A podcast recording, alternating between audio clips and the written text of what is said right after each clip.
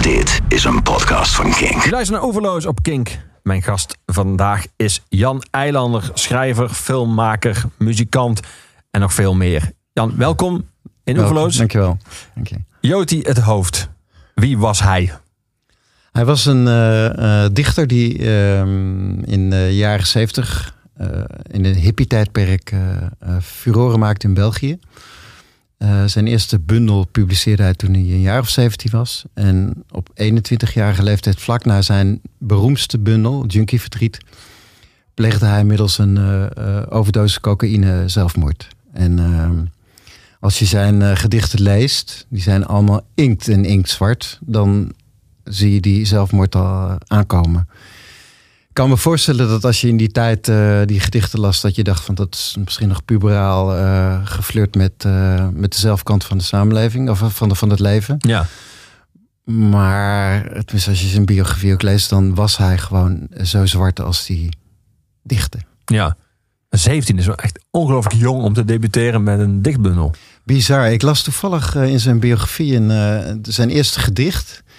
Ik kan nog wel ergens opzoeken. Eh, toen was hij 13. Dat ging over eh, toen hij naar de middelbare school ging. En dat hij dan, nou, dat, dat ging er dan omdat hij vond dat hij te veel dingen moest en eh, niet zichzelf kon zijn. En dat is ook al qua taal zo ontzettend raak. Ik begreep ook later dat hij, hij was een eh, soort van eh, wonderkind. Een eh, extreem hoog IQ, maar met het. ehm, maar eh, sociaal gezien had hij het gedrag van een zevenjarige of zo. Dus, eh, dus hij was echt heel erg goed met taal. Eh, maar ehm, daarbij had hij een eh, bizarre narcistische persoonlijkheid. Dus dat al echt de hele wereld omheen moest draaien. Maar het was een, ja, het is echt een uitzonderlijk talent. En dat vind ik ook wel mooi aan die gedichten. Dat ze nog steeds heel transparant zijn in het taalgebruik. Ja. En eh, ja, Ja, en de, de aanleiding om jou vandaag in Oeverloos uit te nodigen is dat er een album is verschenen en ook nog heugelijker misschien zelfs vinyl, een LP. een LP. ja. Eh, Jan Eilander zingt Joti het hoofd. Ja. Eh, dat zijn eh, zijn gedichten Ja. op muziek gezet. Ehm, ik stel voor dat we er eerst eentje draaien. Dan weten we iets meer waar we het over hebben. Dan kunnen we dan over zijn werk eh, praten. Over de manier waarop jij het eh, zeg maar, muzikaal hebt verteld. We gaan luisteren naar eh Schreeuwlandschap. En daarop horen we jou. Maar we horen ook Spinvis. Ja. Kende hij ook zijn werk? Was hij, of Ja, ja, ja. Hij kende, ja, ja Erik eh, van Spintwis is echt een enorm eh, poëet. En die heeft Ja. eigenlijk in zijn hele leven al heel veel eh, gedichten, ook van Vinkoog, op eh, muziek gezet. en Zo. Ja, hij kende het, zeker. Tof. Dus je hoeft hem niet te introduceren. Nee, we gaan dan luisteren. Hier is Schreeuwlandschap.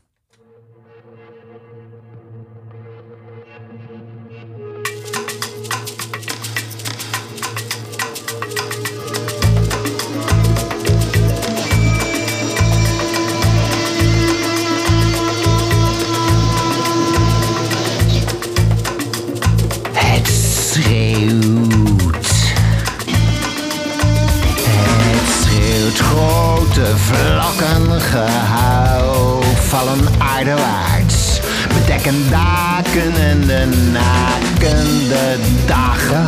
Dagen,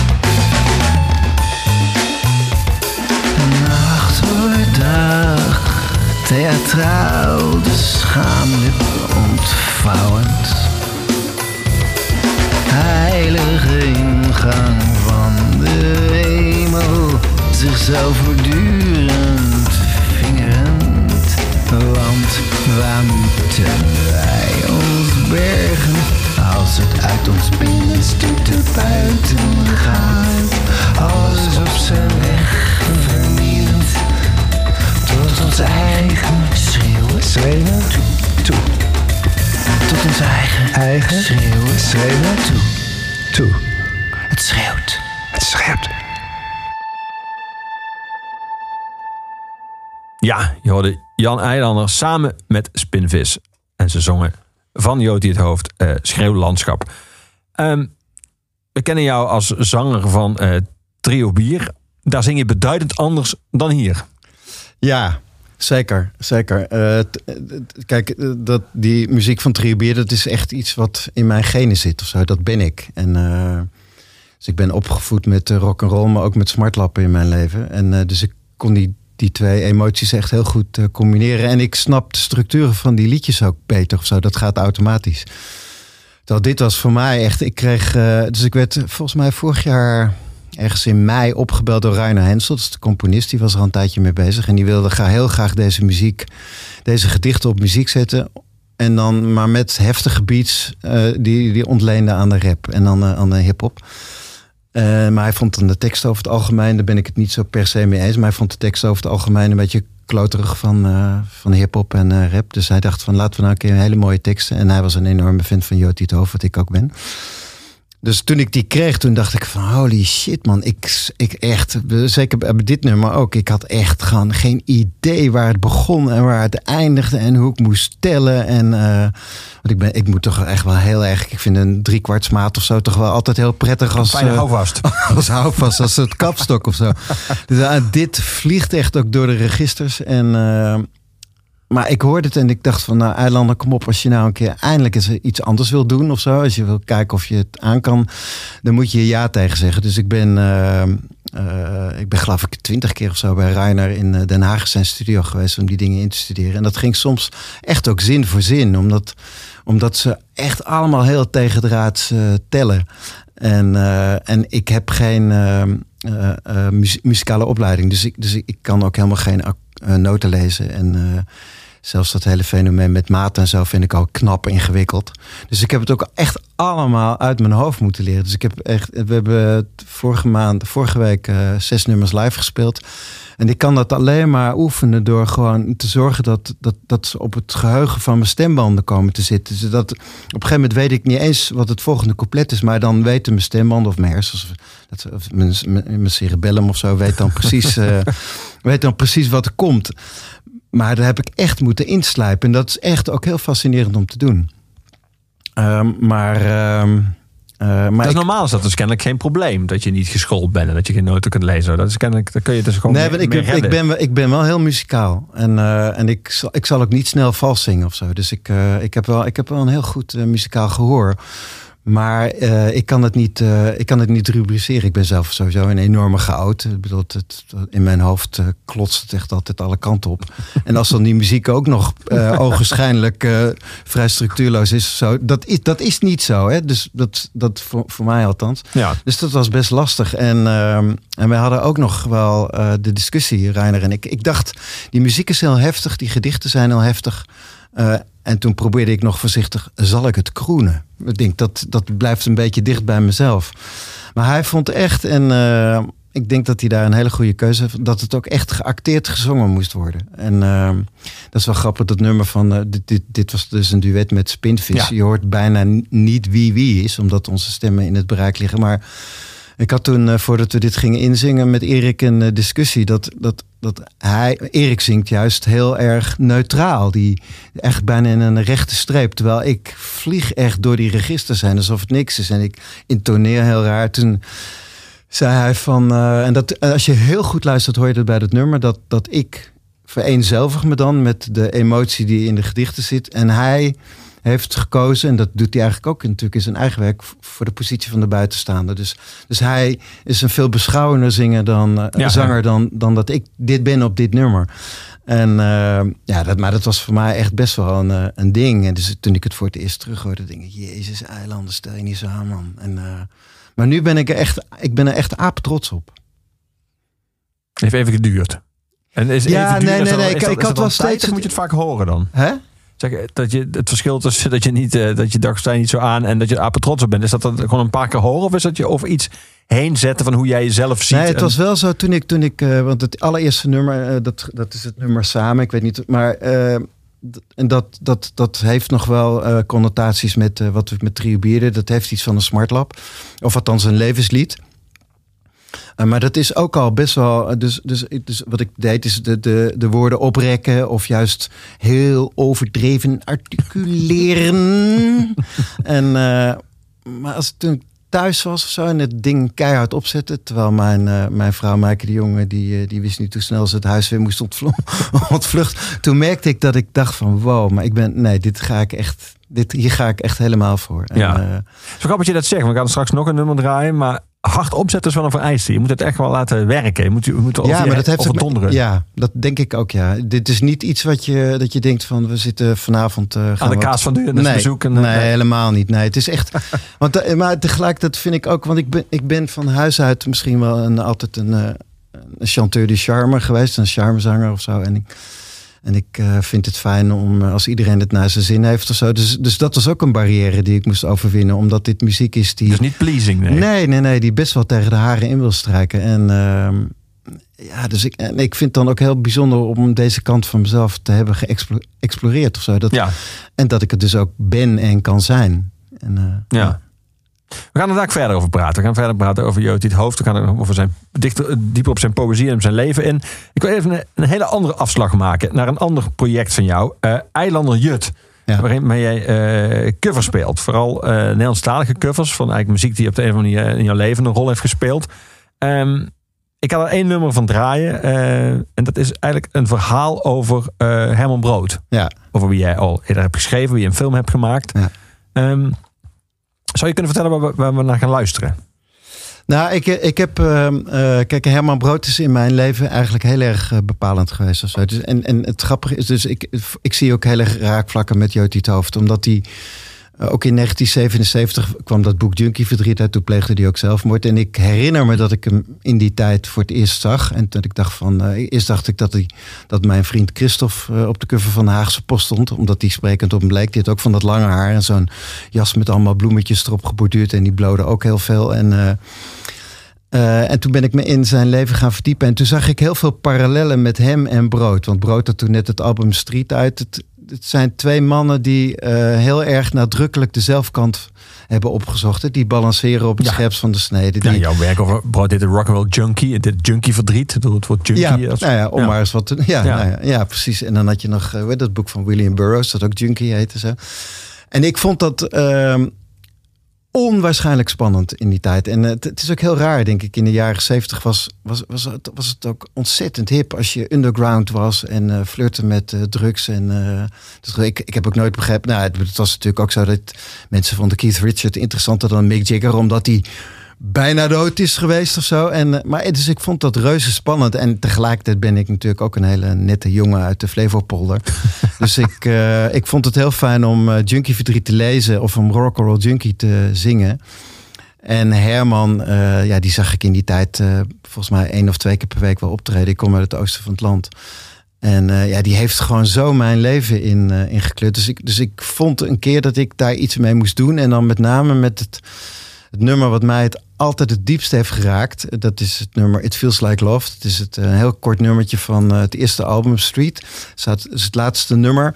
En uh, ik had altijd het gevoel dat, die, dat hij daar zingt wat ik voel, voelde toen ik hem leerde kennen.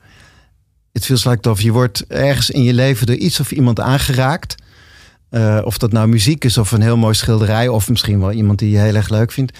En dat blijft de rest van je leven bij. En dat had ik. Uh, dat had ik en dus ik vond op de een of andere manier dat ik daar een keer iets mee moest doen. En ik wilde ook heel graag dat nummer zingen. Wat ook nog best lastig is, want als iemand slecht raar timede, was het Herman Broodhout. Dus het was nog best een, ding, best een dingetje. Om even te zeggen dat je het zelf niet heel makkelijk maakte de laatste tijd kwam. Nee, nou ja, nee, nee. Nou. We gaan er naar luisteren. Voorjaar 1976 zette de eigenaar van platenwinkel De Troubadour in Kampen me in een luistercabine en duwde me een hoes in handen van een muzikant met een hele goede kop. Geprononceerde neus, volle lippen, goede kuif en, dat vond ik dan heel belangrijk, de oren gewoon bloot. Het was een LP van iemand bij ons uit de buurt. Jammer dat de man zichzelf Herman Brood noemde, maar de bandnaam klonk te gek. Wild Romance. Toen de naald in de eerste groef zakte, werd ik aangeraakt. Het titellied. Het heette Street. Snerpende gitaren, een opgejaagd ritme en een heese, verleidelijke stem die me influisterde. Hey boy, I can see you one of our own. Hey jochie, je hoort bij ons. Het was liefde op het eerste gehoor, een waarachtige, wilde romance. Street werd de soundtrack van mijn jongensjaren.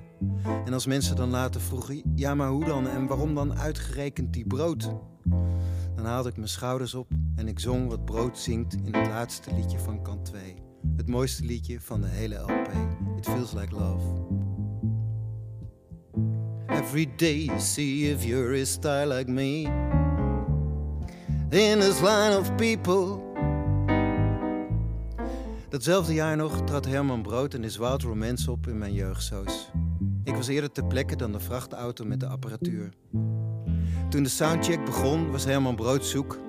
Maar ik had inmiddels de basis gelegd voor wat later een graad in de Herman Broodkunde zou worden. Dus ik wist wel waar ik hem kon vinden. In het enige café van het dorp dronken de boeren bier en op de hoek van de bar schepte Herman Brood wit poeder in een vloedje dat hij wegspoelde met wodka. De boeren gromden afkeurend.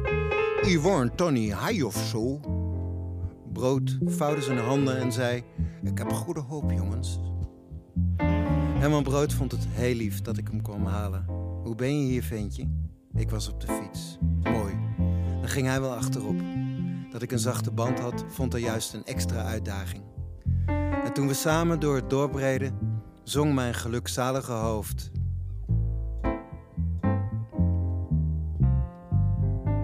Every day you see if you're star like me. In this line of people. Jaren later mochten mijn jeugdvriend en ik een singeltje opnemen voor EMI. Brood stond erop om mee te spelen. Want behalve fenomeen was hij immers nog steeds pianist van professie. Ik haalde hem thuis op. Toen hij zag hoe gekmakend zenuwachtig ik was, haalde hij een stapel pornoboekjes uit zijn tas en zei dat ik me maar even op het toilet moest afzonderen. Hij had daar doorgaans enorm veel baat bij, qua ontspanning. Smiddags dansten zijn handen als kikkers over de pianotoetsen. Mijn jeugdvriend was niet tevreden. Zijn stem schalde door de intercom. Uh, Herman, kan het met iets meer gevoel? Brood stopte met spelen en mompelde: Het lijkt wel of ik hier 50 gulden voor krijg of zo. Hij stond op om de medicatie op peil te brengen en bleef een half jaar weg. Het plaatje, Een dijk van een flop presenteerden we met een optreden in Manu Melo. In de pauze dook Brood opeens op. Hij loensde. Ah, mag ik nu wel weer meedoen? Het was mijn avond. Als ik zong, speelde hij piano. En als hij zong, deed ik de koortjes. En toen het publiek om een toegift riep, toen wist ik er nog wel een.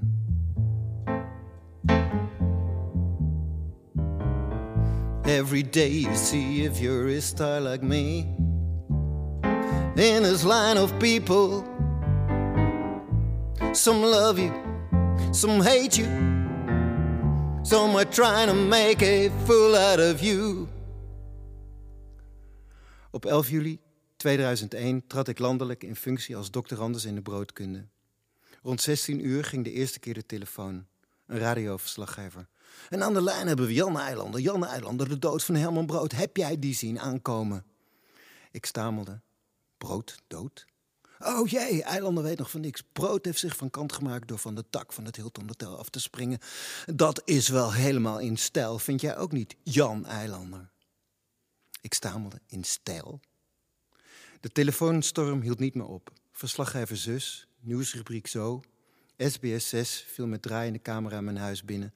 Taxis vervoerden me van studio's naar talkshows waar zich nog meer prodologen ophielden. Ik schoof tegen middernacht live en zwaar aangeschoten aan in het late NOS-journaal. Ver na ene was ik weer thuis. Ik trad uit functie en moest toen heel erg huilen. Alsof het besef toen pas indaalde. Brood, dood. Ik pakte de gescheurde en besmeurde hoes van Street. Het vinyl was bij het laatste nummer van kant 2 letterlijk grijs gedraaid. Het was dan ook mijn eeuwige favoriet. Brood op zijn kwetsbaarst. Een lied over een toevallige ontmoeting die je hele leven op zijn kop zet. De naald bleef even haken in een kras.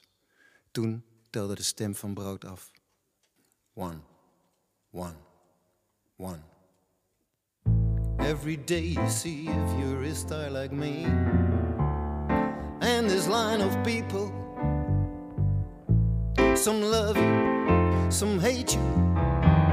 Some are trying to make a fool out of you, you know, but every once in a while someone's passing by. You can't get off your mind. Someone's passing by and gives you that precious little grin. I said, someone's passing by.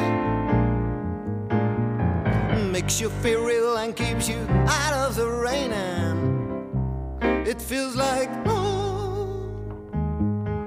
It feels like love. It feels like love. Je luistert naar Overloos, seizoen 1, aflevering 44. Jan Eilander is mijn gast. Jan, we hoorden net jouw ode aan Herman Brood. Ehm, is de geschiedenis van Herman Brood is die, is die helemaal geschreven? Of, of wacht jij nog, of broed jij zelf nog op iets om hem, om zijn levensverhaal in beeld of in geluid of in muziek of waarin dan ook vast te leggen of in een boek? Of is alles wel geze- gezegd, gefilmd, geschreven? Nou, ik denk wel dat, eh, dat zeker na die, die vuistdikke biografie van een eh, Bartje Bot... dat er, eh, dat er niet veel meer aan toe te voegen valt. of dat denk ik hoor, maar ik, ik moet ook heel eerlijk zeggen... ik heb ook niet alles meer gelezen of zo op een gegeven moment.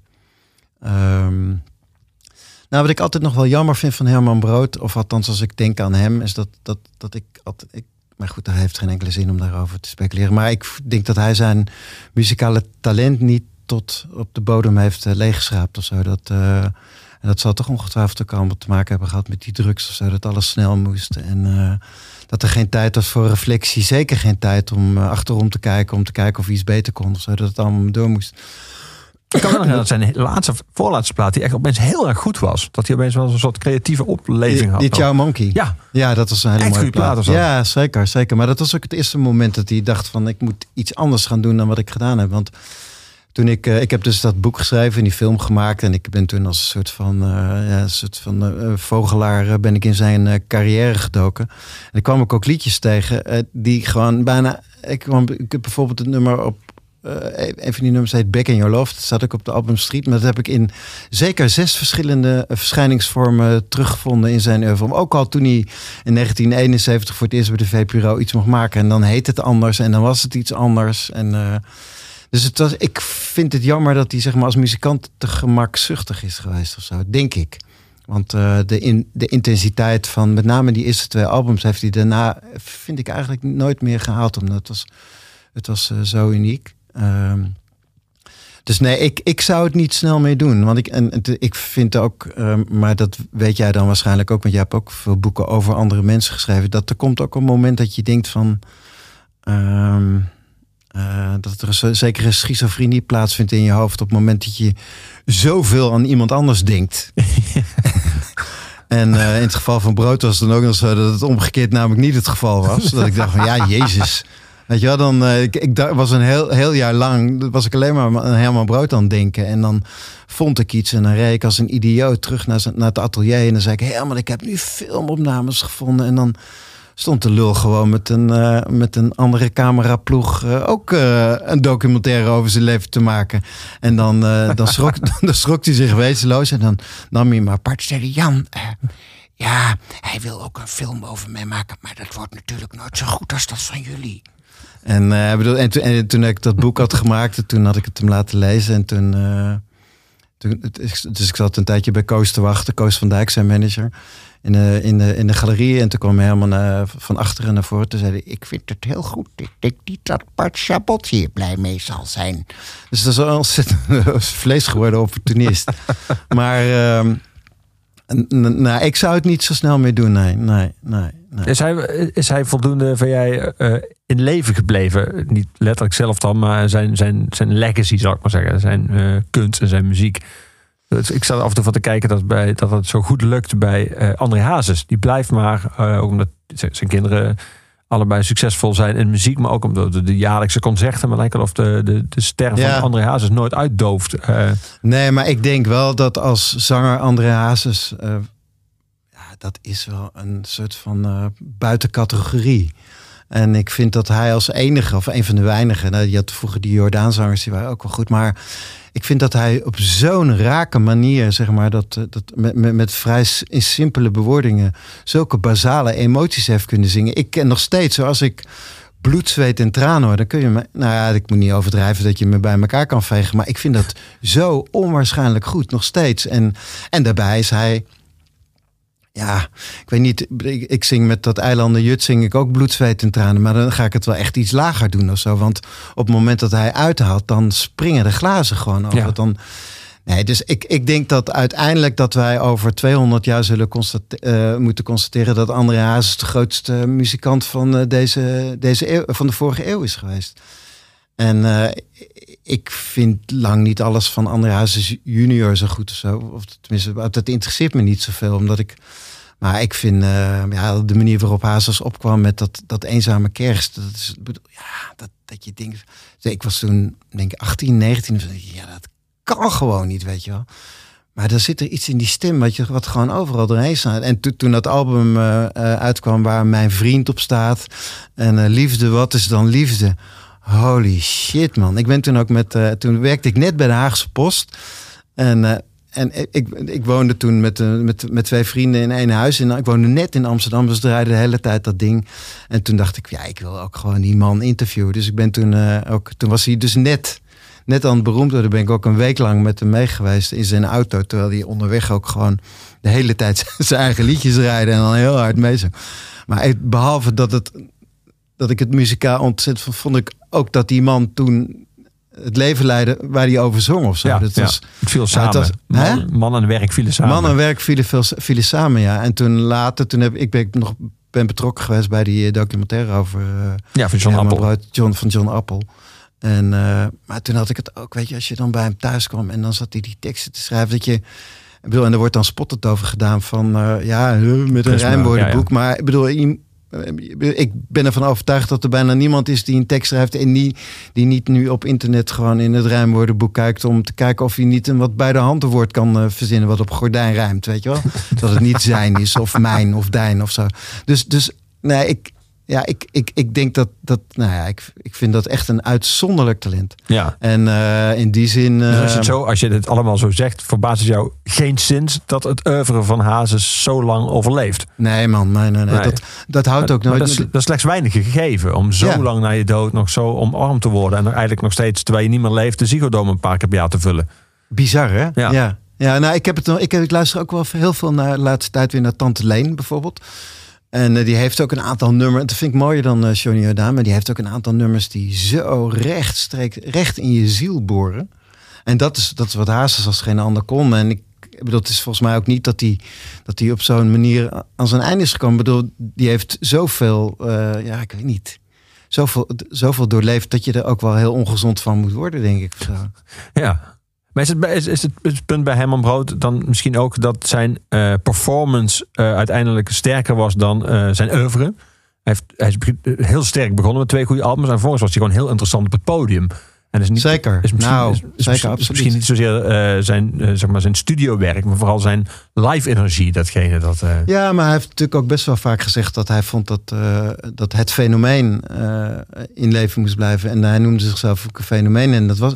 Bedoel, dus in die zin denk ik dat hij ook altijd wel zal blijven bestaan of zo. Maar hij zal niet zo snel herinnerd worden aan zijn liedjes of zo, denk ik. Maar het is wel een unieke vers- verschijning. Het is ook. En in die zin is het wel grappig om dan terug te koppelen naar de Jood het hoofd. Dat die heeft natuurlijk ook maar een paar boekjes eh, Ja. achtergelaten. En zijn eh, imago en zijn eh, dat waar hij voor stond, dat is uiteindelijk groter geworden dan, dan het werk misschien zelf. En dat is bij Herman ook het, ook het geval. Ik, ik ken eigenlijk ook bijna niemand eh, die geen eh, Herman Brood aan de mu- muur heeft. Ik bedoel, je moet ook bijna al, je, al dat niet echt. ja, maar je moet ook bijna je best doen om er geen aan de muur te hebben, want er zijn er zoveel gemaakt of zo. Maar tegelijkertijd, ik, ik, ik koester die. Ik heb ook een aantal, aantal hele mooie tekeningen die die dan eh, voor de vuistweg eh tekenen. Ik heb een hele mooie tekening van Herman met een cowboy op een paard. Ik ging vroeger veel met mijn zoontje. Die was toen, eh zat dan op het stoeltje achterop. Gingen we naar het atelier en dan was hij super lief. En dan eh, zaten we een tijdje te praten. En dan, zei, en dan, ging hij eens tafelvoetballen met David. En dan zei hij, David, dan wil ik nu even met je vader praten. Ik teken een cowboy op een paard en dan mag jij hem uit. inkleuren. Dus ik heb gewoon hele mooie tekeningen die gesigneerd zijn door David met zo'n kinderhandschrift. En, en Hij dan maakt tek- eigenlijk een kleurplaat voor jouw zoon dan. Ja, het heb, maar gewoon echt gewoon, weet je wel, in een anderhalve seconde of zo een hele mooie kleurplaat. Dus die heb ik allemaal ingelijst. Wat cool. En, eh, ja, nee, dus, nee, dus ik, ik bedoel, die man is mij zo ontzettend dierbaar. En eh, die, heeft, ja, die heeft mijn leven echt ingekleurd. En eh, daar ben ik hem eeuwig dankbaar voor. Want zoals jij net bezong en vertelde in het nummer, hij, speelde hij echt zo vaak in jouw, jouw regio? Nou, zeker in het begin. Ik, ik, kom dus, eh, ik, ik, ik zat op school in Kampen. Dat zat ik in dat ding. En, eh, maar die, die platenzaak die bezong, de Troubadour de troubadour, ja. Wat een fantastische naam van platenzaak. trouwens. ja. ja, volgens mij het is toen allemaal dat dan van die rare dingen. En, maar, maar, en die, die eigenaar van die, die troubadour, die, die kwam uit Assen. En die zei van, ja, een jongen bij ons uit de buurt. eh, maar dat draai kan ik in de winkel niet draaien. Dus jullie, eh, ik was dan een beetje, een soort god als een beetje underground met mijn vriend. Dus wij mochten bij hem thuiskomen eh, s s'avonds. En toen zette die de street op. Nou, en ik, het was echt bizar. Ik had echt het gevoel dat het over mij ging. Terwijl ik ik weet niet, ik dronk geen eens bier of zo, weet je wel. Maar gewoon het feit dat er, er zat een soort van bazaal gevoel van vrijheid en alles kan zat erin. En, eh, en dan, ja, je hoefde ook geen eh, nachtegaal te zijn om toch te kunnen zingen. Dat vond ik ook heel aantrekkelijk. Dus, eh, en, en toen, ja, toen, zij woonde in het oosten van het land en in Zwolle had je een bar. Eh, dat heette de Circle Bar en daar trad hij gewoon drie avonden in de week op. En dan ging ik dan op de Brommerijn. En eh, later kwamen we erachter dat we ook achter elkaar gewoond hebben in Zwolle. Want ik ben geboren in Zwolle. En, eh, nou, dus, en dat mijn tante Dini, die kende zijn vader en zijn moeder ook heel goed. Oh, dat was ook geen beste, zei mijn tante Dini dan. En, nee, dus dus, ja, dus er waren ook gewoon heel veel raakvlakken. Zo. Ja, maar ik heb hem inderdaad heel veel gezien. Ja. En, ehm, en toen ik op de school voor journalistiek zat, toen dacht ik van ik moet het nu eindelijk een keer te gelden maken, mijn, eh, mijn idolatie. En dus toen ehm, had ik gevraagd en ja, ik mocht een interview doen met Herman Brood. En toen was hij net terug uit Amerika en toen woonde hij in het Sonesta Hotel en zat... eh, En toen op, na, een uur wachten of zo mocht ik dan naar zijn kamer. En waarschijnlijk heb ik echt geestdodende, slaapverwekkende vragen gesteld. Maar je kunt je precies voorstellen, een fan van 18 die dan eh, zogenaamd quasi interessante interviews gaat doen. Dus ik zag Brood ook langzamerhand een beetje wegdutten. Toen zei hij, eh, Jan, ik ga even de medicatie op. peil brengen. Toen ging hij naar de wc en toen kwam hij echt. Nou, toen zat hij weer aan hero- en toen gebruikte hij weer heroïne volgens mij. Toen dus kwam hij wel behoorlijk ver heen. eh, kwam hij het toilet af. Toen zei hij: Ik denk dat jij het heel leuk vindt om met Herman Brood naar een café te gaan in Amsterdam. En ik woonde toen in Utrecht. Dus dat, nou, ik vond het inderdaad geweldig om met Herman Brood. Dus we liepen over straat. En dan zeiden er kwamen allemaal vrouwen tegemoet. Herman, hey, lekker ding, Herman, Herman. En daar liep ik naast, weet je wel. Dus, en dat, Dat straalt ook een beetje op jou af wel. Ja, nee, ja, heel veel zelfs. Ik bedoel, het ging eigenlijk uiteindelijk over mij. Dus toen gingen we naar een café, dat was super hip. Dat was ik ook nog nooit. De Palm. Op de Kloveniersburgwal of zoiets. En, eh, en daar kwa- kwamen we binnen en ik stond naast Herman Brood. Ik stond ernaast, weet je wel. Dus ik keek zo'n beetje om me heen en ik keek opzij en Brood weg. En ook de hele avond gewoon niet meer terugzien. En toen heb ik geloof ik tot eh, de volgende ochtend tot zes uur op het station moeten wachten. Want ik kende niemand in Amsterdam. Dus ik zat er heel treurig en sneu op, op het centraal station van Amsterdam te wachten op de eerste trein terug naar Utrecht. Nou ja. Dat was je eerste avond met hem. Dat was mijn eerste avond met Herman Brood, ja. ja. We gaan muziek draaien. We gaan naar Oasis luisteren. Eh, Don't Look Back in Anger eh, uit 1995 eh, had, je, had je gevraagd om te draaien. Ehm, geldt bij Oasis de aantrekkingskracht alleen in muziek? Of, of ben je ook het feit van die twee broers eeuwig getroubleerd en dan kunnen niet mensen elkaar gewoon niet zonder elkaar spelen? Is dat ook een deel van de aantrekkingskracht? Dat maakt dat helemaal niks uit. Het verhaal. Nou, ik vind, ik vind de muziek heel aantrekkelijk. Eh, ik, ik hou heel erg van eh, Britse muziek. Dat is eigenlijk toch eh, gek genoeg toch allemaal te herleiden tot de Beatles of zo op de een of andere manier. Dat is bij hun natuurlijk heel sterk. ja. Maar dit gaat ook wel vooral over nou ja, wat dat nummer teweeg heeft gebracht in het Verenigd Koninkrijk. Ik, ik weet niet, toen, toen, toen die, die aanslag in Manchester was. En eh, dat met Ariane Grande was ja, het. ja, bij haar concert. Ja. zong. En toen, eh, de, twee weken daarna was toen die bijeenkomst. Ik weet niet, heb je dat filmpje ook wel eens gezien? Dat is een bijeenkomst van mensen die dan eh, nou, de doden wilden herdenken. En dat dan zo'n vrouw dan opeens dit nummer begint te zingen. En dan Look Back in Anger. En dan ophoudt omdat ze... Want ik, later stond er ook een heel mooi interview met haar in de Volkskrant van... Volgens mij een van de beste journalisten van Nederland, John Schorel. En dat die vrouw had van... Ja, ik wist het ook niet. Ik denk, laat ik maar wat gaan zingen. En, dat dan, en dan hoor je op dat filmpje... Dan, dan wordt het opeens doodstil. En dan zegt er één man... Women, woman, sing, sing. En dan langzamerhand begint iedereen dit te zingen. Dus als ik dit nummer hoor, dan denk ik van dat, dat gaat over de kracht van wat, over de louterende werking van, eh, van muziek of zo. Dat je opeens één kan zijn in je verdriet of in je vreugde. Dus bij Ajax draaien we altijd bloed, zweet en tranen. En, en dit is dan, eh, ja, ik weet niet. Nou dat vooral dat je één bent in je verdriet en in de, in de weerbaarheid of zo. Dat je je wil, het weer wil stellen tegen het onrecht in de samenleving.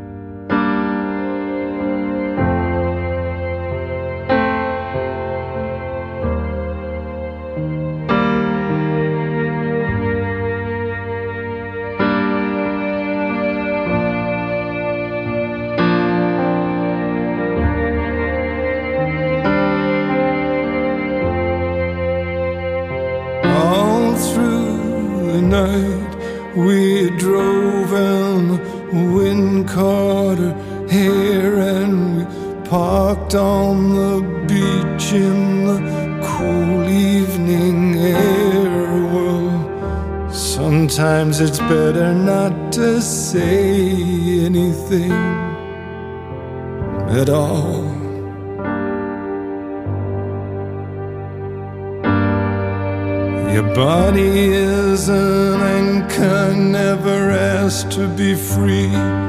Just wanna stay in the business of making you happy.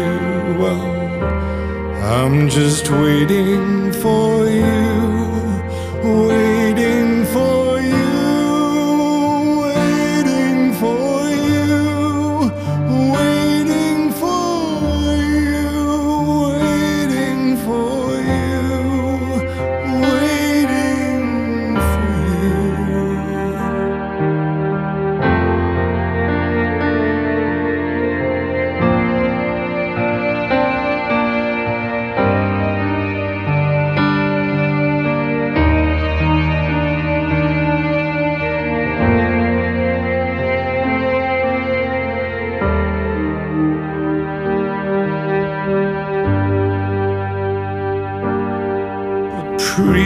runs through the chapel, all the calendars are turning. A Jesus freak on the street says he is returning. Well, sometimes a little bit of faith can go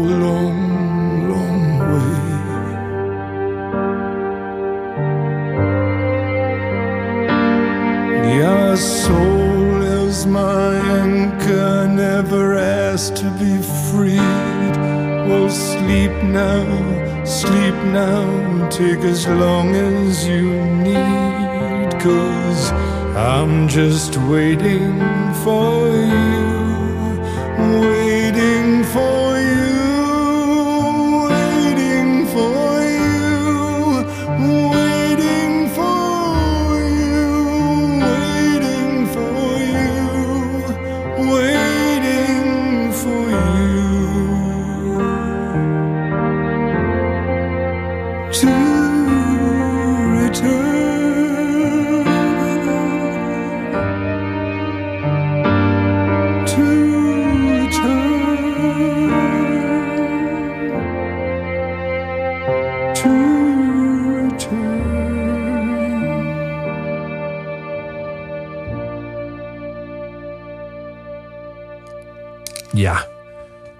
keuze van mijn gast vandaag in Oeverloos, Jan Eilander. Je hoorde Nick Cave van zijn laatste album Ghosteen.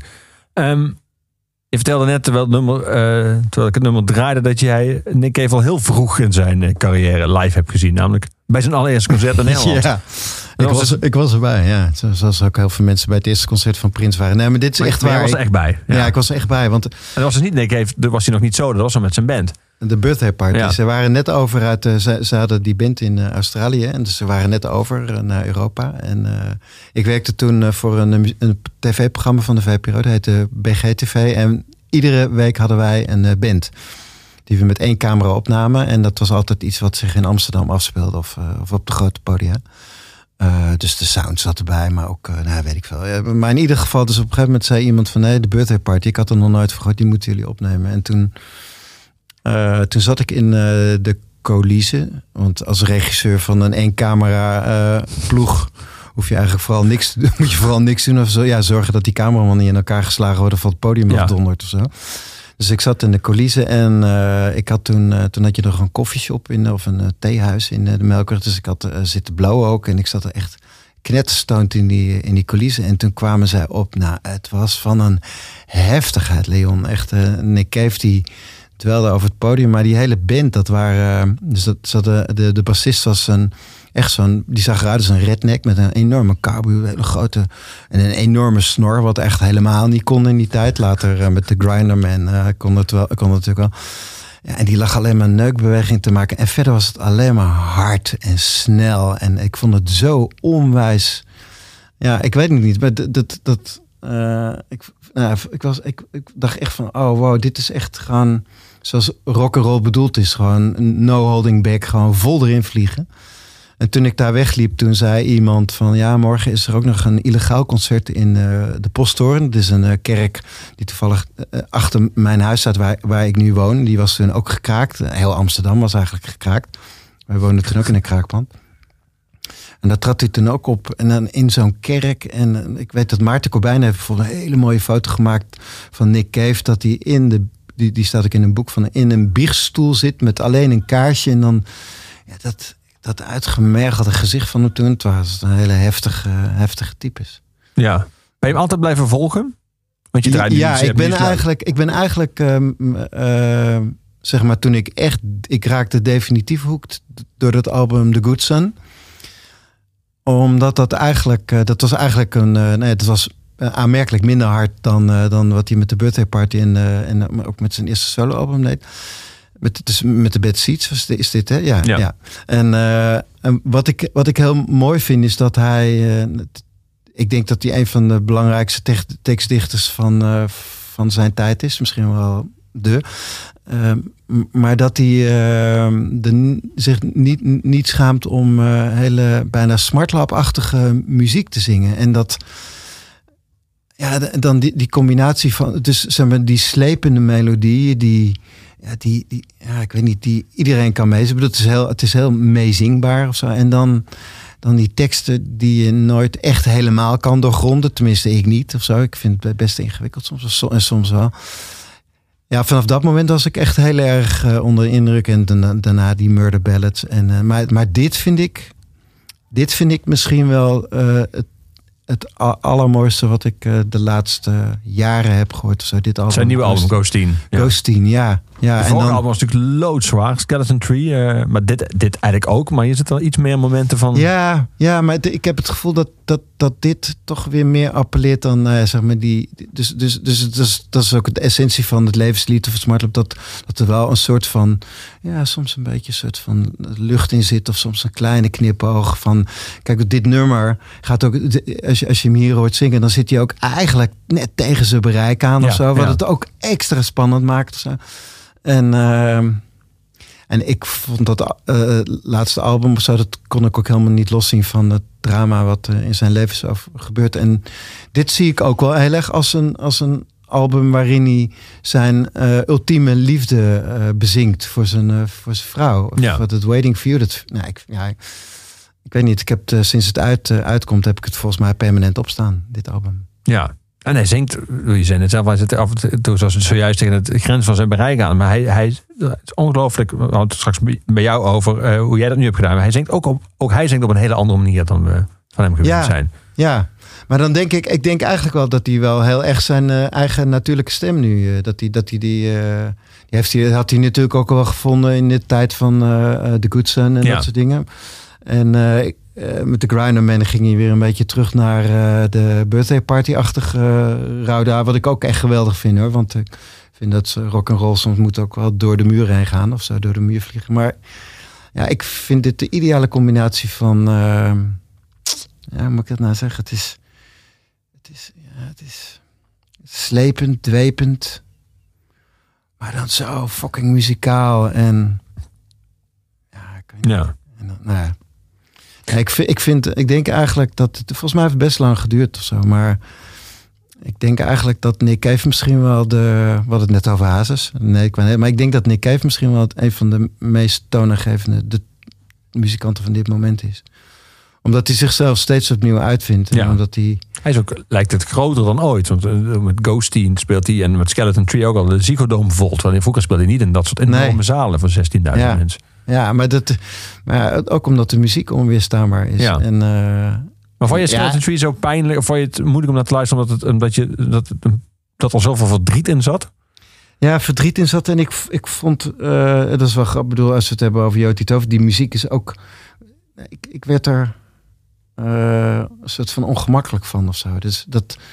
Je hebt van die. Ja, ik, kan, ik zit hier nu allemaal rare gebaren te maken. Maar is, dat, dat je gewoon. Dat, zoals mijn vrouw altijd zegt, je wordt er ibbelig van of zo. Dit Ja. kan, iets kan heel goed zijn, maar ook alweer een ongemak of zo. En. eh, eh, en ik ben dat ongemak een beetje uit de weg gegaan bij Skeleton Tree. Dus Ja. ik was heel blij dat dit terugkwam. Ja. En is het wel grappig dat met Joti Tover, ik bedoel, doe ik het zelf. En dan het het ongemak, ze me dat weer barstig opzoeken. En dan, ja, dan blijkt dat eh, juist weer een eh, enorme verademing te zijn om er zelf in te kruipen. Omdat Ja. je dan eh, andere kanten kan explo- exploreren. Maar, Heb, nee, je maar- een, heb je een fascinatie van... ik ken jou toch als een vrij mm, nou, blijmoedig... of in ieder geval iemand met levenslust en energie.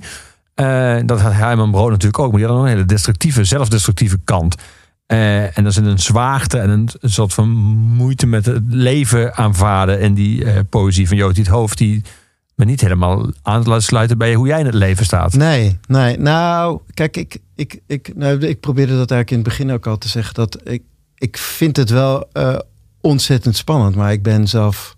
En toen had je er voor jezelf ook vroeger. Dat je daar vroeger een, hang naar had. Ja, maar ik vind het Dat nog steeds steeds soms wel mooi hoor. Als, Hm. eh, als mensen. dit- Dus, dus ik vind het. eh, Ik ben zelf niet iemand die, die echt zo nadrukkelijk in de rafelranden gaat staan of zo. Daar, ben ik denk te bang voor of zo. Te, te angstig. En, eh, en, en ik, ik vind dat geflirt met drugs en drank of zo. vind ik echt nu ook best wel potsierlijk worden, zo langzamerhand of zo. Ik, maar tegelijkertijd mensen die. die, die, die die inderdaad gewoon zeg maar ruksigloos kiezen voor, voor een weg en die de, bereid zijn om met hun kop tegen de muur eh, te vliegen of zo. Daar heb ik op een bepaalde manier wel bewondering voor. Terwijl nu, en dat geldt ook voor jou, ik bedoel, ik denk, wat voor lul ben je dat je op je 21ste, want hij heeft, gewoon op die avond dat hij, eh, dat hij zelfmoord pleegde, heeft iets van eh, 7 gram eh, kook besteld. En en hij, hij moest ook een extra grote spuit hebben, want het moest er ook allemaal. Dus dat snap ik helemaal niks van. Maar op het moment dat mensen, zeg maar. Nou, Iggy Pop is eigenlijk wel een goed voorbeeld. Die heeft natuurlijk ook altijd. Die, die, die, die Living on the Edge of the Knife. Hè, of, eh, on- die, die heeft ook altijd diezelfde kant. Maar die is altijd wel. Die is altijd, heeft altijd wel voor gezorgd dat hij toch net de goede kant op viel of zo. Dus ik vind dat, ik vind dat op zich wel een bepaalde manier dapper. Dat ja, het leven gaat over doodgaan en het gaat over geboren worden. En als je ja, dicht bij de dood durft te zijn of zo, dan heeft dat wel iets dappers. Ik, maar ik heb dat zelf niet. Maar ik, overigens ben ik niet dat, eh, die, dat opgewekte mannetje wat jij denkt dat ik ben. Of zo. Ik ben ook wel. Ik ben heel, heel vaak ook helemaal niet zo eh, levenslustig en eh, vrolijk of zo, denk ik.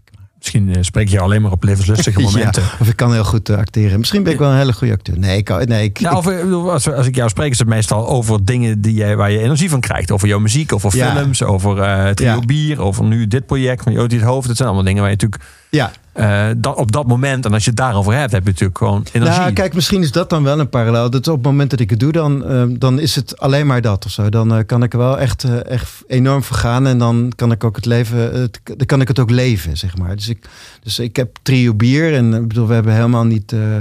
we zijn eigenlijk nooit echt doorgestoten tot de Champions League of zo. Maar ik heb het wel echt eh, heel intensief beleefd. En het was voor mij op dat moment, en eigenlijk mijn terugwerkende kracht misschien nog steeds wel ja, toch bijna het belangrijkste wat er was in mijn leven. Om, eh, om, om, maar en, dan, maar dan, en dan vooral om, om in de muziek te wonen of zo. En, Ja. eh, en dan vind ik die randverschijnselen van die drank en drugs vind ik dan een beetje onzin. Maar dus in de muziek wonen of zo. En dat, dat is in wezen is dat ook. Ja, ik bedoel, wie gaat. Ik, ik denk eigenlijk van, ik vind ook met terugwerkende kracht best wel stil. Ik heb 25 jaar in Trio Bier gezeten. We hebben, laatst kwam ik heen die vrienden tegen, was op zich wel grappig. En toen zei hij, eh, Jan, zit je nog in dat eh triootje bier of zo, of, of drie bier of zo. Niemand kan het zo'n kutnaam natuurlijk, trio bier. Dat heeft Nee, doe maar. Dat is een, eh, dat is een fijne naam. Nee, nee, nee ik, ik had liever Doe maar geheten dan trio bier. ik bedoel, wij werden alleen maar voor carnavals, dus uh, de twee veeltjes. Maar toen zei hij, zit je er nog in? Ik zei, nee. Ik zei, nou ja, we zijn, nee, het is, het is een beetje op zijn laatste been. Ik zei, ja, maar dat krijg je ook.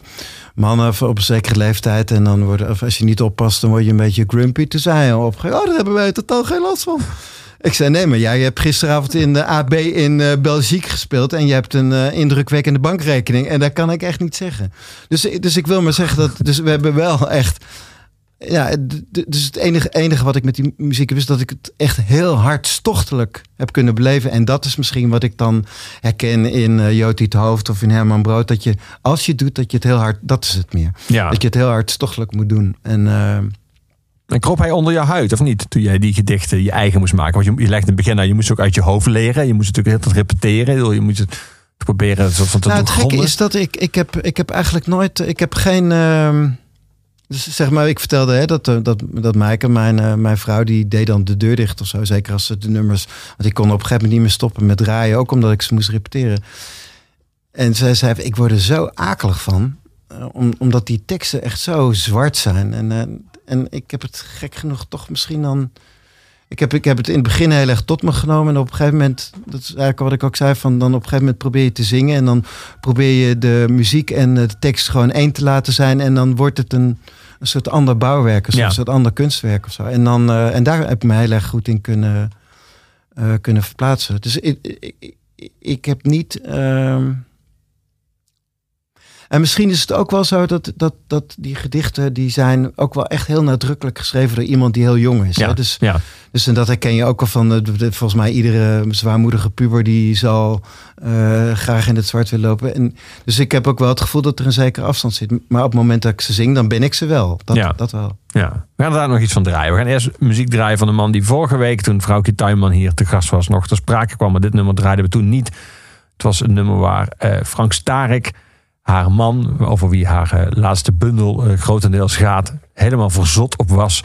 En we hebben hem net, uh, bracht jij hem sprake. Dus ik vind dat we hem nu maar eens een keer moeten draaien. We gaan luisteren naar Iggy Pop met The Passenger. Ah.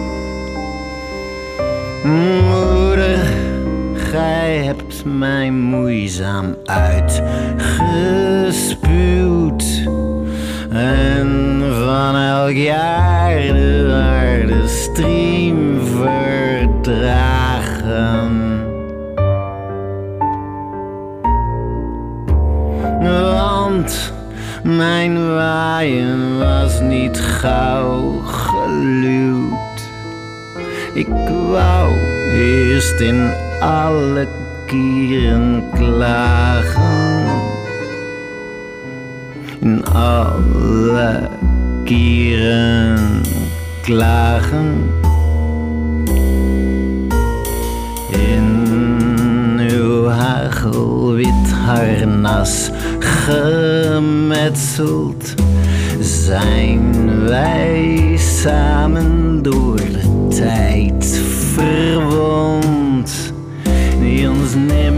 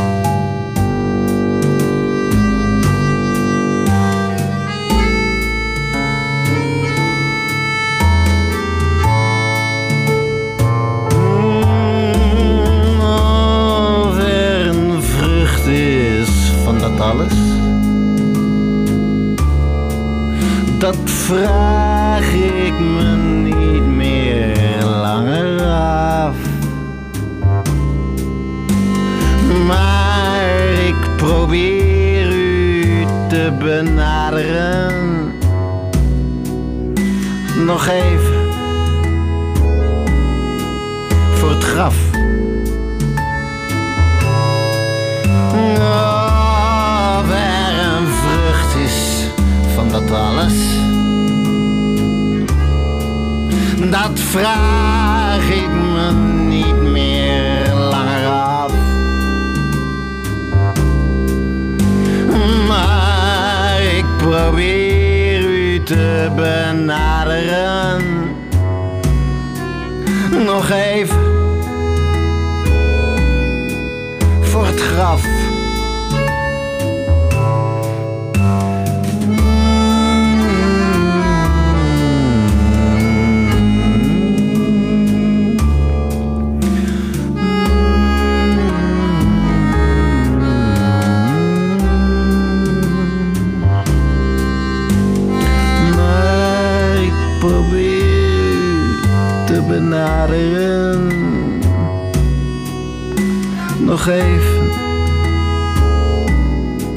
Voor het graf.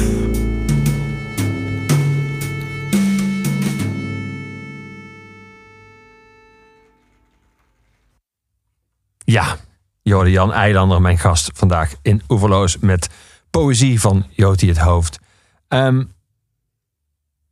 het is natuurlijk heel verleidelijk om als iemand zo jong sterft en ook zo jong al zijn werk heeft eh, geleverd, om eh, te fantaseren over wat er allemaal had kunnen gebeuren en wat hij nog allemaal had kunnen maken als hij langer had eh, geleefd.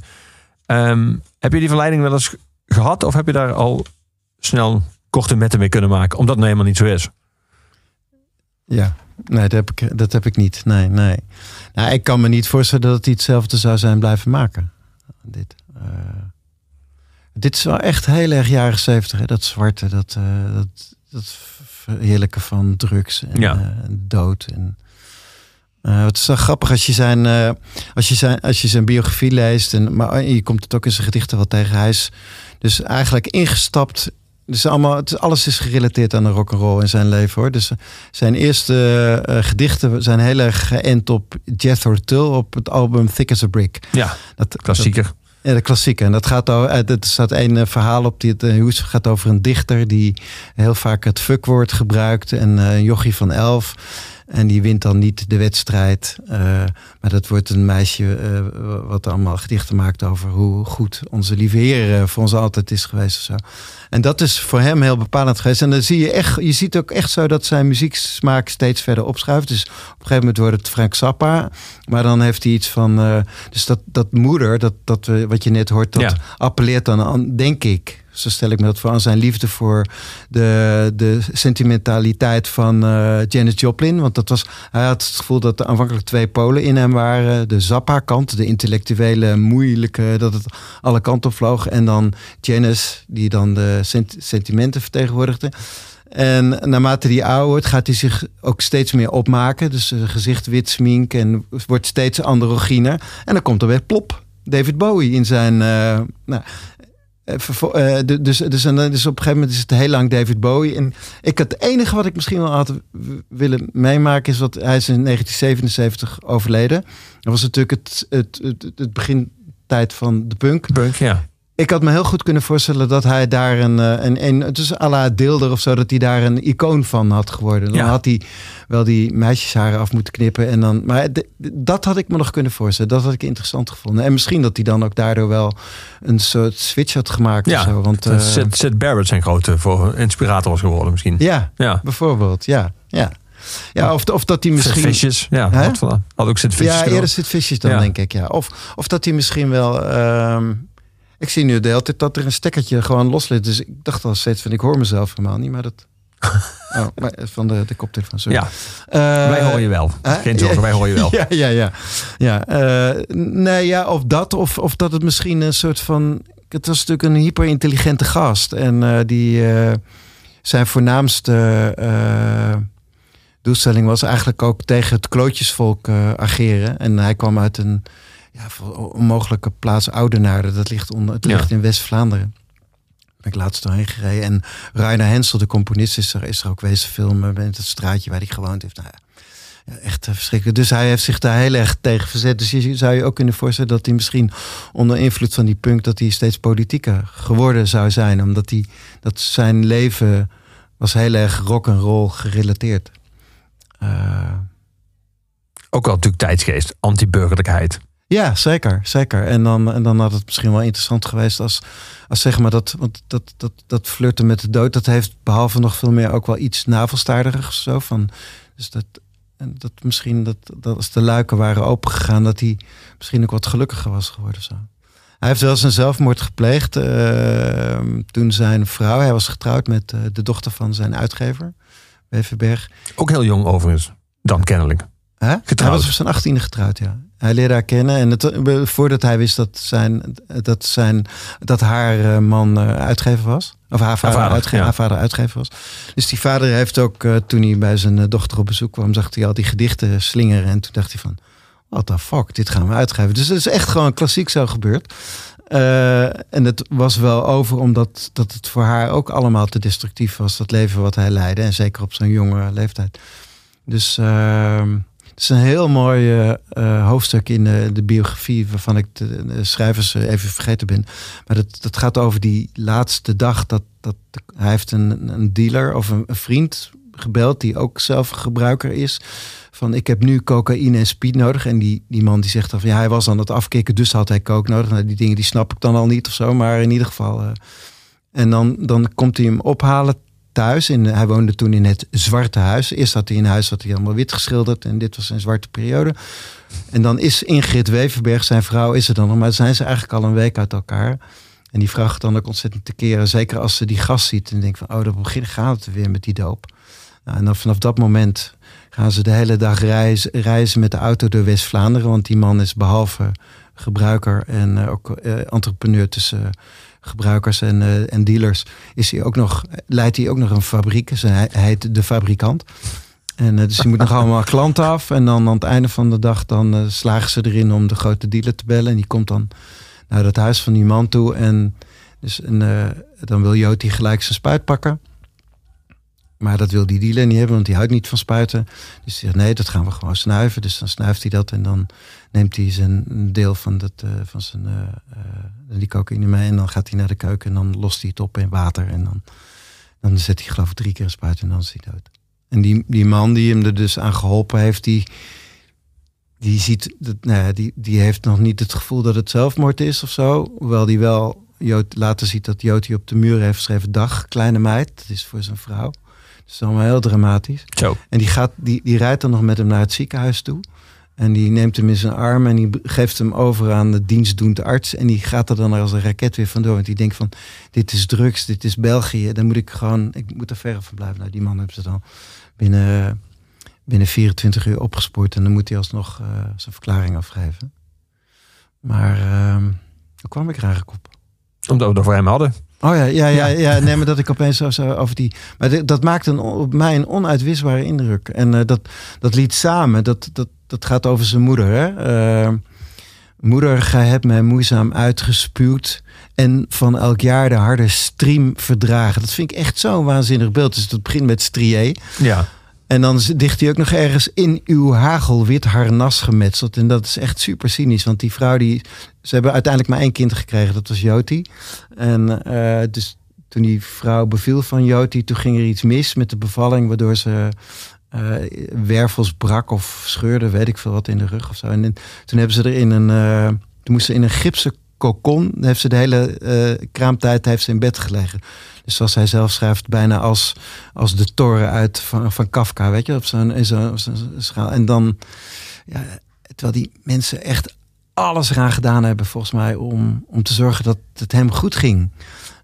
Maar ondertussen toch al op zijn twaalfde, dertien of zo. Die moeder had heel veel pijnstillers, want het is nooit overgegaan met die rug.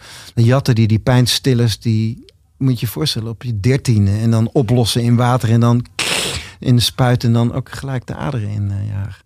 Dus dat, die man was echt vanaf het begin af aan ja, born to lose. Ja. Op een bepaalde manier, maar ook briljant. ja. Leeft zijn werk voort in Vlaanderen? Ja, en ja, ik, ik, ik bedoel, het, het is bijvoorbeeld, eh, nou, het is, het is eh, twee jaar geleden werd zijn 40ste sterfdag eh, herdacht. En dat Toen is ook met alle- is een heruitgegeven, een luxe versie door is opnieuw uitgegeven. de bezig bij. En ik, ik weet niet hoe lang dat nou geleden is, een jaar of acht of zo. Toen in België schijnt het zo te zijn dat graven geruimd worden, gewoon na 25 jaar of na 30 jaar, weet ik veel. In ieder geval, eh, het graf van Joti stond op het punt om eh, door de bulldozer vermorzeld te worden. En toen eh, zijn alle literatoren in België, ik geloof onder aanvoering zelfs van Herman Brusselman, die zijn in het geweer gekomen om te zorgen dat dat, dat, dat graf een soort van bedevaartsoord moet worden. En dat is het nu ook geworden in Oudenaarde. We gaan naar Telau luisteren. Eh, waarom dit nummer van uh? Waarom alcohol en tranen in de live versie gaan we hem draaien? Ja, omdat ik, dat ik dit nummer heel erg Telau vind. Het is, ik, ik, bedoel, ik, dit, we doen, dit is een, dit is een eh, soort semi-akoestische versie. Ik, vind het heel mooi dat hij, eh, dat, dat hij het heel mooi ingeslaagd is om wel, zeg maar, het is, een, het is sowieso een super romantische ziel. En die toestond om als hij wat gedronken had, dat die romantiek, dat hij die durfde uitvergroten. Dus eh, alcohol en tranen.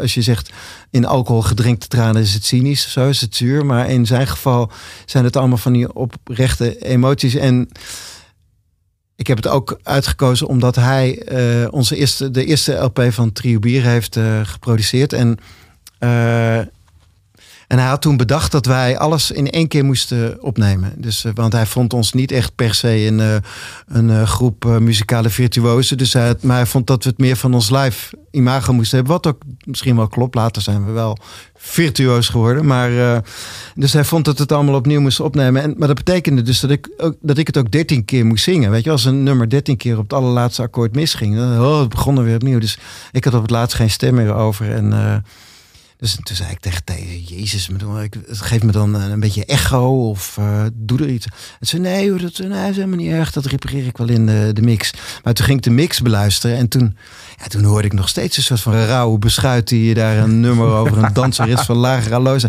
Dus ik zei, ja, Thee, kom op, een beetje echo. Nee, nee, nee. En, eh, toen zei hij, en dat vond ik eigenlijk heel terecht, en dat heeft hij zelf altijd uitgedragen, dat de luisteraar eh, moet de. Kijk, de, de zanger gaat in gevecht met zijn lied.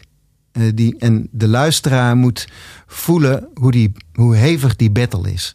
En eh, nou, dat hoor je eigenlijk ook bij Nick Cave. En dat hoor je ook bij Herman Brood. En dat, dat hoor je eigenlijk bij alle muzikanten die ik mooi vind. Ik vind het, vond het alleen bij, bij mezelf niet, niet zo aantrekkelijk. Maar toen ik T voor het eerst iets akoestisch zag doen. En dan met die gebalde vuisten, dat die ader in zijn nek opzwollen. En ah, dat het spuug alle kanten op ging. Toen dacht ik van, oh nee, nu snap ik het. En eh, dat deed hij toen zo weergeloos in het nummer Alcohol en Tranen. En ik, we zingen dit ook met Eilanden Jut. Het is een van mijn favoriete Telau nummers. Het is een held.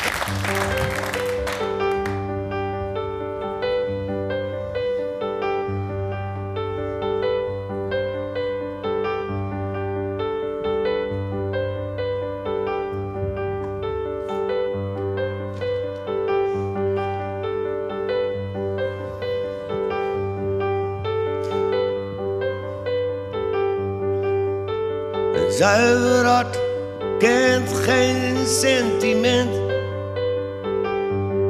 Overpeinzing in een bijna leeg café.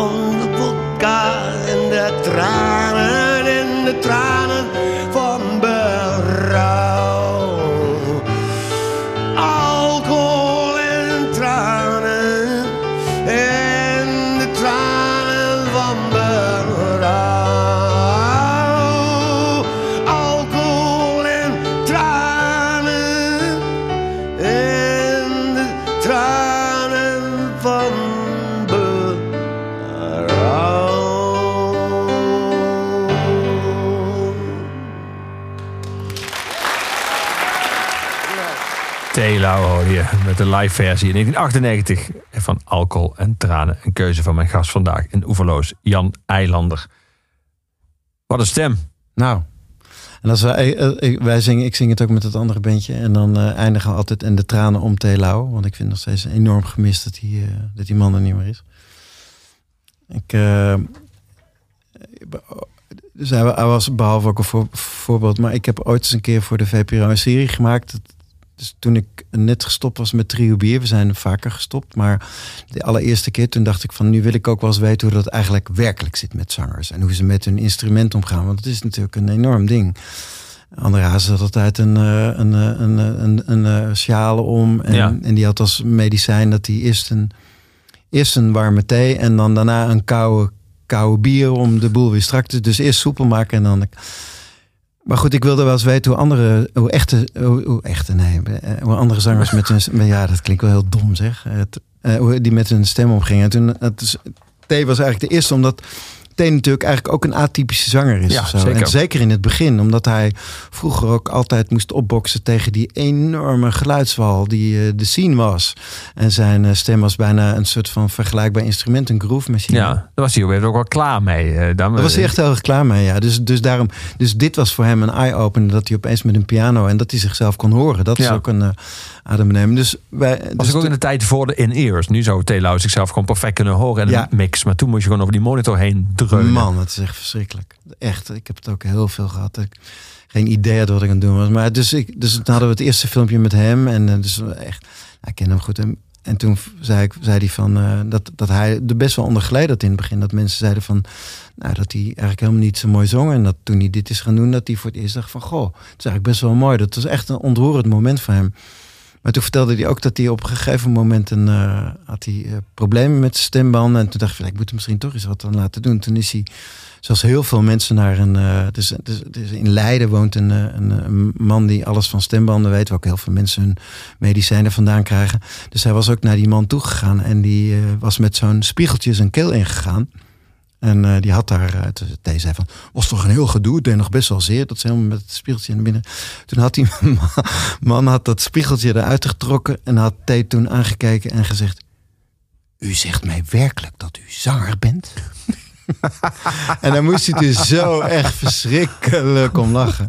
Want omdat het klinkt best wel rafelig en rauw. Dus ik heb geen idee hoe die... Ik heb het later ook gedaan trouwens. Uh, toen mijn stembanden laten, om die reden laten nakijken.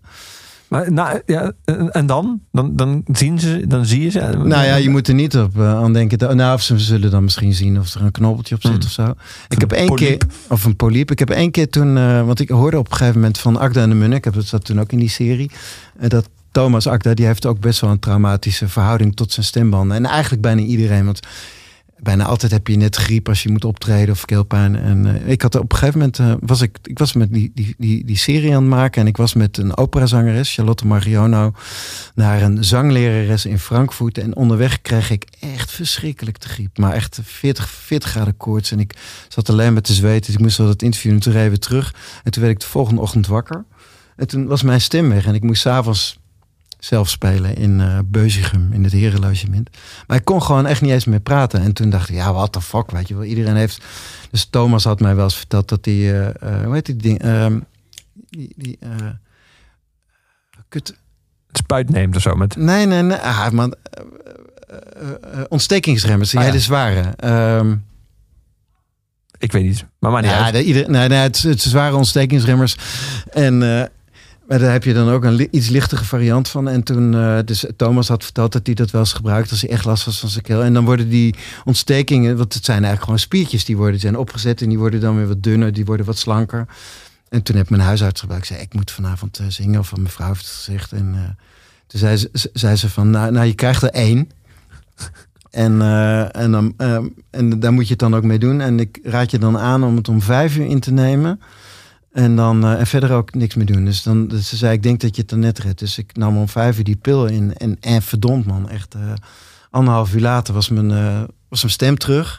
En ik kon zingen. Het enige nadeel was dat ik, dat je er, dat hadden ze niet bij verteld, maar dat je er enorm van gaat zweten. Dus ik had een heel mooi pak aan met een heel over. Maar ik was echt gewoon, ik stond op het podium, maar ik was echt een, er is een enorme plas rondom de microfoon. En bij het allerlaatste liedje, toen was hij uitgewerkt en toen brak mijn stem.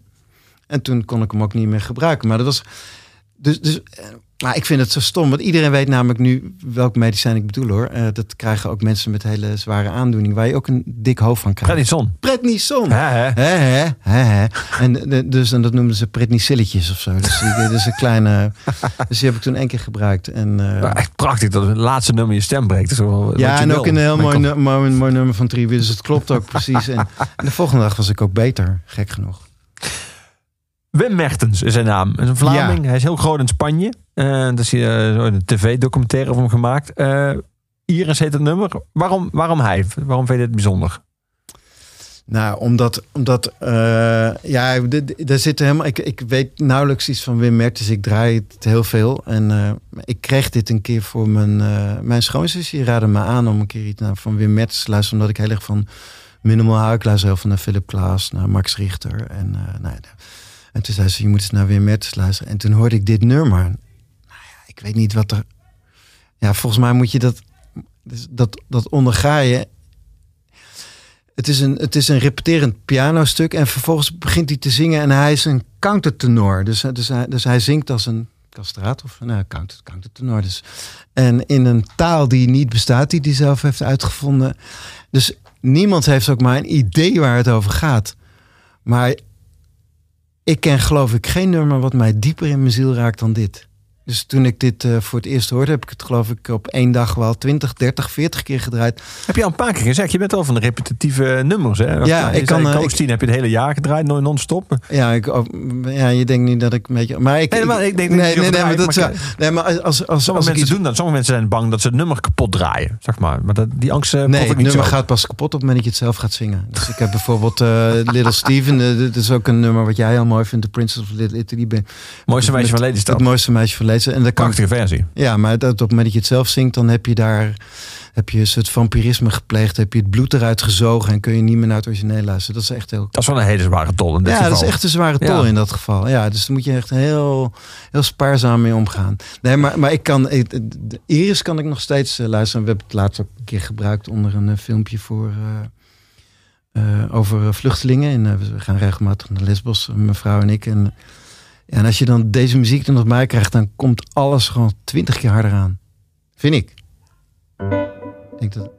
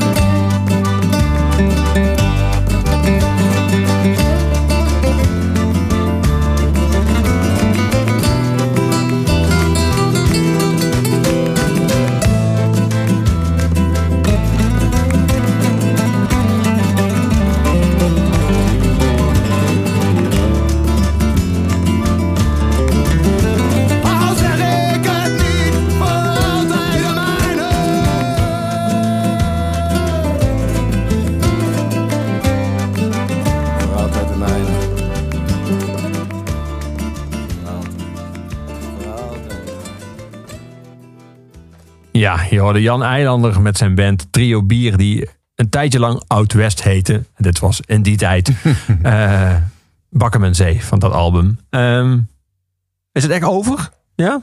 Of Nou, het is wel, het is, het is, eh, we, zien elkaar bijna niet meer. Eh, het is langzamerhand een beetje stil komen te staan. Mm. Ik heb nog, ik, ik, ik koe- koe- koester, en zeker zo'n nummer als dit, de koester ik echt enorm. Dus ik, eh, toevallig had ik het er met Rini eh, van de week. Ik speel met Ko- Koos, de saxofonist, speel ik nog in dat Eilanden Jut. En Ja. eh, toevallig, we hebben laatst op het eh, begrafenis van Rini zijn vader nog gespeeld. En toen, ik had het laatst met Rini over dat ik, ja, dat eh, Rini was eigenlijk de voornaamste, die maakte bijna alle liedjes. En ehm, ja, ik weet niet, dat, die liedjes zijn zo van mijn, eh, zijn zo in mijn eh, DNA gaan zitten of zo. Dus, dus dat gaat nooit meer over, denk ik. En eh, daar ben ik ook heel blij om. En uh, dus ik, ik ja, nou, dit is bijvoorbeeld een nummer, dat, dat was meestal het laatste nummer wat ze Ja. speelden. Dus ik kan me eigenlijk niet voorstellen dat het nooit meer live zal spelen. Of, uh, maar, nou goed. Dus, ik, dus ik, ik, ik heb geen idee eigenlijk. Ik heb geen idee. Maar uh, nou, misschien op een klein niveau of zo. Ik, ik, nee, ik weet het niet. We hebben er over een paar mensen gehad die jij, eh, die jij bewondert. We hebben, eh, die veel voor jou betekend hebben. We hebben het over hazes gehad. We hebben het over brood gehad. Ehm, eh, je hebt natuurlijk ook enkele jeugdboeken geschreven. Raffi. en daarna kwam ook Cruyffie. En je bent ook al een Cruyff. eh, hoe heb jij de, de hele... Zeg maar, de hele wording en vervolgens ophef over de biografie van Johan Cruijff eh, gevolgd. Heb je inmiddels gelezen bijvoorbeeld? Nee, ik heb niet gelezen Nou, nog. ben je Nee. nieuwsgierig naar? Eh, ja, zeker wel. Hmm. Ja, ja, ik vind ook Kok over het algemeen heel goed schrijven. eh van de journalist. Het toeval was dat, dat eh, anderhalve... Kijk, ik heb een- zo'n jeugdboek gemaakt, dat heet Kruifie. Ja. En, dus- maar dat is, dat is eigenlijk 75% fictie. Hè? Dus ik heb zijn jeugd gefabuleerd. Ja, Ik heb hem daar ook, toen, toen hij nog leefde, ook wel van tevoren verteld wat ik daar zou gaan doen. En, Ja. Eh, maar goed, die andere 25% niet. En daarvoor moest je ook... ja, nee, maar ik bedoel, dat zijn van die dingen die, die in alle boeken steeds tegenkomt. Dat gedoe met die eh, aardappels en eh, weet ik veel. Nee, het zijn allemaal bekende, bekende dingen. En, eh, maar dat boek is al een hele tijd niet meer leverbaar. En eh, de- ik merk dat er nog steeds mensen eh naar vragen in de boekhandels. En het schijnt dat op scholen, dat met name jongetjes die eigenlijk niet zo graag willen lezen, dat die dat wel lezen. En die, en die andere kinderboeken ook. Dus dat vind ik echt een enorme trofee. Dus ik probeerde al een tijd lang eh, de Cruijff Foundation te benaderen weer om het opnieuw uit te brengen. En, eh, dus ik had toevallig een week voordat de, de biografie van Auke Kok uitkwam, een afspraak met Carol Tate of Tate. Ik weet nooit zo goed hoe je dit uitspreekt. Ik denk eigenlijk Tate, Tate. Maar zij, zij behartigt de belangen van, eh, van eh, Johan nog Ja, steeds in de familie. ook eh, in het nieuws toen. Ja, ja, ja, zij, zij werkt nu echt niet meer voor de. En dus toen hadden we het over. Dus zij zag het ook heel erg zitten om als dat het opnieuw uitkomt. Ook om, met name om die redenen en om het. maar toen vertelde ze dat het boek eraan zat te komen. En dat ze het altijd best ingewikkeld vinden als er boeken uitkomen waar zij dan geen grip op hebben. En. Maar toen had ik het, heb ik een week lang kennelijk met mijn hoofd onder de kussens gelegen. Toen, het, het eerste wat ik daarna zag is dat ik zag Karel eh, eh, bij die rechtszaak, bij dat kort geding tegen Auke, dat ze zo eh, geëmotioneerd, Geëmotioneerd, ja. geëmotioneerd was. Ja. En ik denk, als je zo geëmotioneerd bent, dan zal dat toch wel iets, ja, dan moet het wel echt heel, van heel diep komen. Ik begreep nu ook van Henk Spaan dat. tenminste, ik las van de week in het parool dat Henk Spaan zei: ja, Johan heeft wel geld gekregen, maar van die postcode loterij. Van die, maar dat het, niet, dat het niet geld is wat normaal gesproken aan de, aan de organisatie betaald zou worden. Dus ik, ik hou me daar verre van. Ja. Maar, eh, het gaat natuurlijk altijd om heel veel geld. Dat soort eh, dingen. En mijn boek is uitgegeven door die organisatie. Eh, dus dat betekent dat ik er relatief weinig aan verdiend heb. Ik had afgesproken dat ik 1 euro per boek zou krijgen. Er zijn er 15.000 van verkocht. Dus dat had, ik had er echt veel meer mee veel meer voor kunnen krijgen. Dus, ik, dus daar, dat is ook een reden dat ik dacht van misschien opnieuw uitbrengen. Maar voornaamst is dat ik dat, dat is nou wel een soort van dat ik denk van ja, dat, dat is iets waar ik heel erg trots op ben. Ja, Dat het is wat het is. Maar verder dat hele gedoe of zo, dat. Kijk, ik, ik had dat boek van Johan Cruijff, dat wat ik heb geschreven over Johan Cruijff, dat heeft Johan ook nooit gelezen. Ik ben toen bij hem geweest in, Bar- in Barcelona en ik vond het heel moeizaam om iets te schrijven over Johan Cruijff.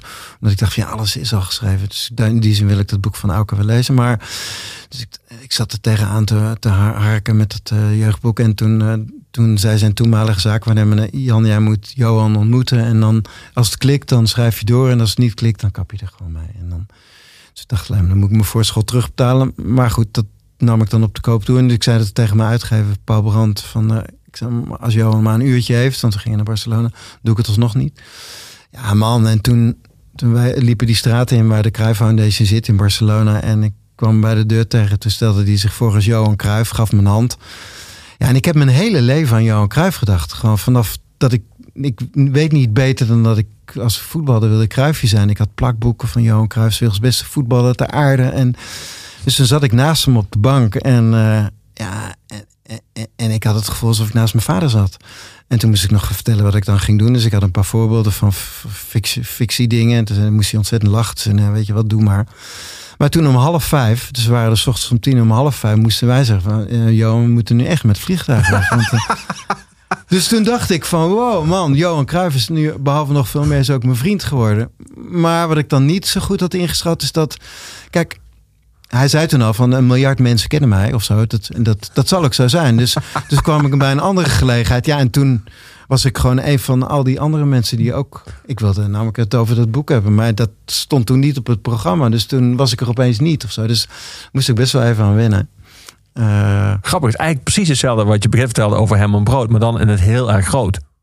ja, maar met, met het grote verschil dat Herman... Met Herman ben ik wel echt, eh, zijn we echt heel close geworden of zo. Dus, Ja.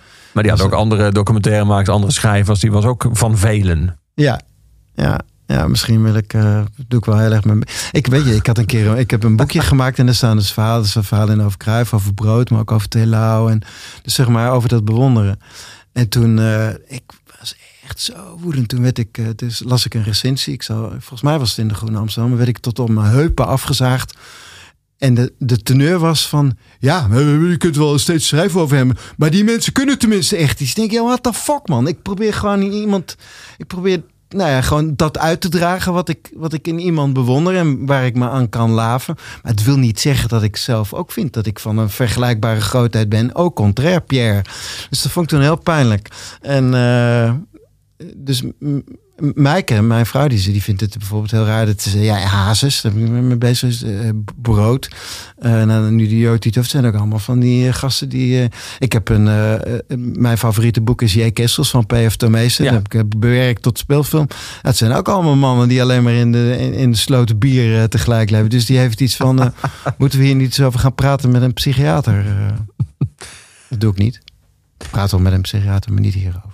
Oké. In ieder geval blij dat je met mij hebt gepraat, Jan. ja, ik ook, twee eh. Leon. Heel fijn. Dankjewel dat je er was. Ehm, even voor de, voor de goede orde voor het album. eh, Jan Eilander zingt Joti het hoofd. Die is uitgegeven door eh zeg maar, Concerto. Die hebben een eigen platenlabel. Ja, en Sampana, hè? dus Ja. de, het bedrijf van uh, Reine Hensel die alle muziek heeft gemaakt. Alle muziek, ja. ja. En we kunnen hem krijgen op cd, maar ook op vinyl. Ja. Ja, dankjewel Jan dat je er was. Van Sloten Bier, ook toepasselijk naar onze eigen huisdichter. Naar Luc de Vos, die iedere uitzending van Oeverloos afsluit. Gorky is dus de afsluiter van... Nee, ik moet tegelijk denken dat ik nog even wil zeggen... dat eh Meijner Talma volgende week de gast is. Ah. Dan gaan we het over Domina Nieuwenhuis hebben. Dit is volgende week in Oeverloos. Oeverloos iedere week eh, via alle kanalen van Kink te downloaden. Op al je streamingplatforms en op de Kink-site en op de Kink-app. Dankjewel voor het luisteren. Jan Eilander was mijn gast. En geluk in het spel van Gorky is het afsluitend nummer.